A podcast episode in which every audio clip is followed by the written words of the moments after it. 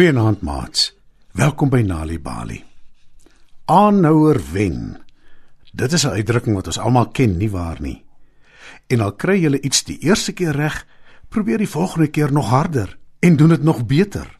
Dit is waaroor vanaand se storie gaan. Doortjie se mandjie is geskryf deur Diane Stewart.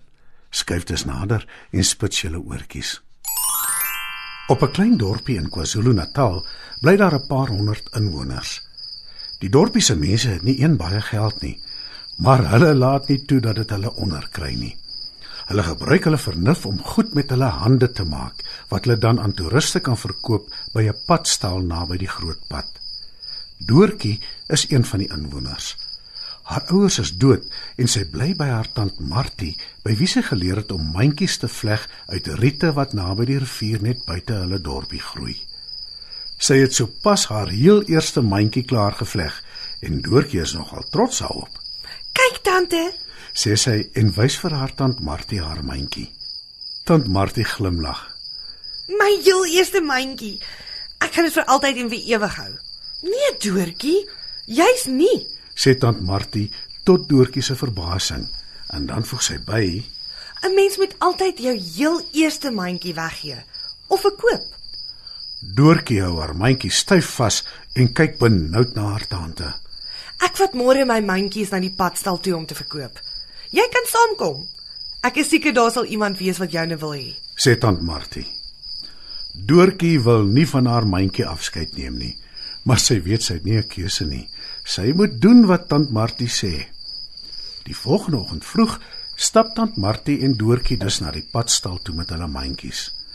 Tant Martie het ook 'n paar besems wat sy gemaak het. Dit is alles op 'n waandjie gelaai wat die twee met gemak kan trek. By die padstal aangekom, pak tant Martie die besems en die mandjies uit. Toe gaan sit sy op 'n kampstoel en hekel. Tant Martie se hande is nooit stil nie.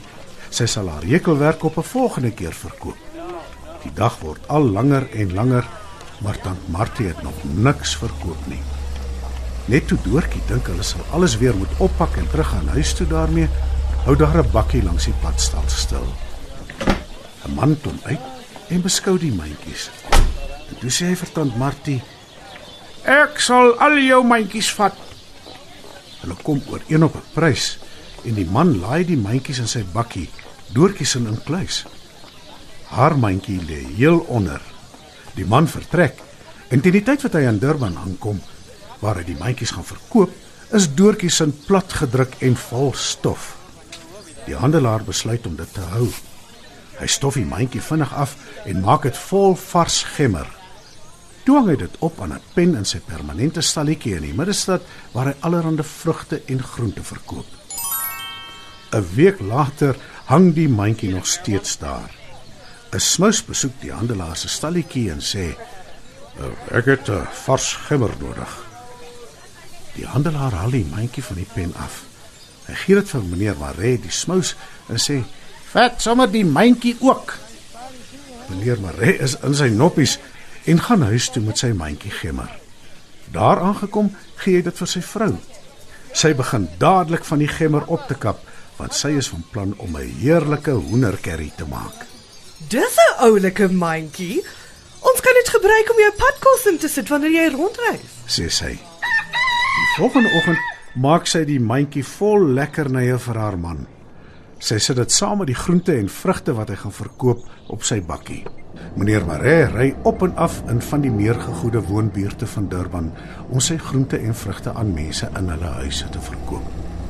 Die honde blaf vir hom as hy voor die huise stil, maar daaraan is hy al gewoond.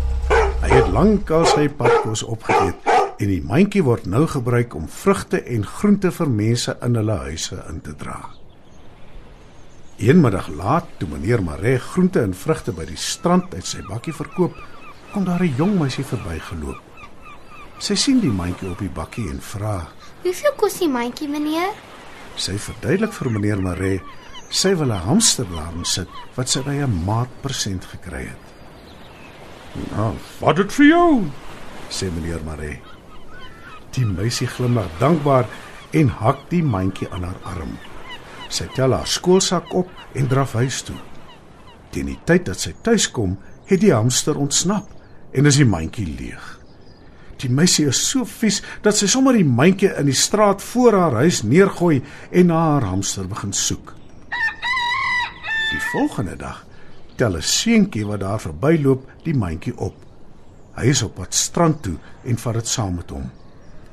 Terwyl hy in die vlak seewater speel saam met sy mamma, trek 'n redelike sterk brander doortjie se mandjie in die see in. Dit dobber op die water tussen die seewier en die visse en word al verder die see ingetrek totdat dit nader aan deur ver is agter waar die branders breek. Die see dra doortjie se mandjie al verder weg. Dit dobber bo op die water. Seemeeue pik pik nuuskierig daaraan.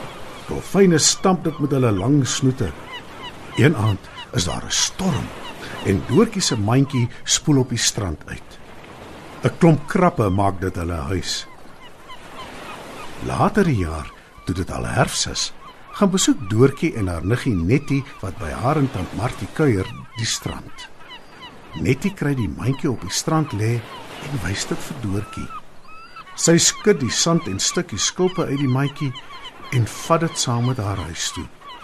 Daar aangekom, sê Doortjie vir tant Martie: Kyk wat het die see vir ons gegee, tant Martie.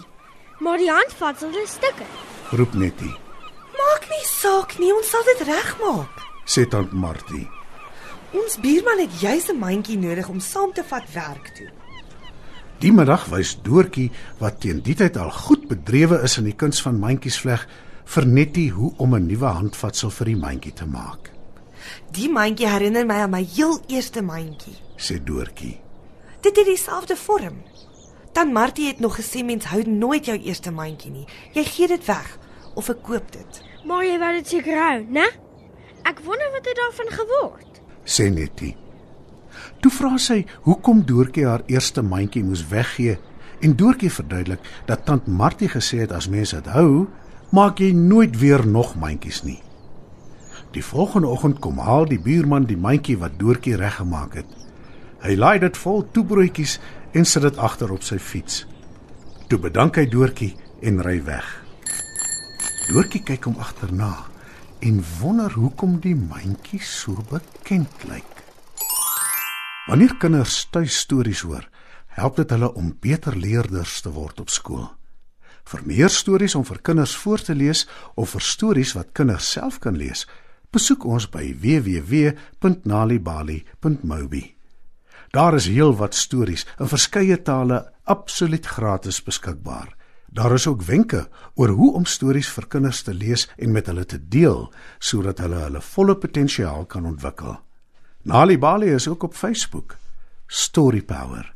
Bring dit huis toe.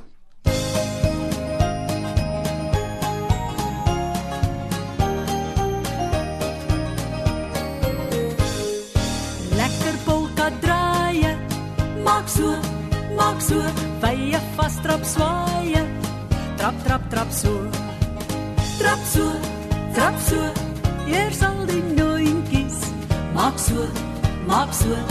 Dan al die seentjies. Trap so, trap so. Kom wees nie skaam. Polka draaie, vas trap swaaie, maak ons almal saam.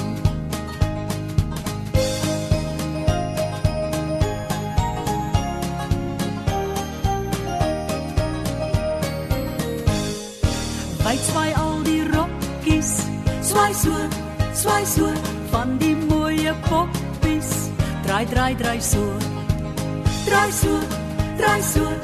Draai elke seentjie. Draai so, draai so. Sing saam die dingetjie. Sing so, sing so. Sing en geniet. Dans nou meisie op die wysie van ons bol.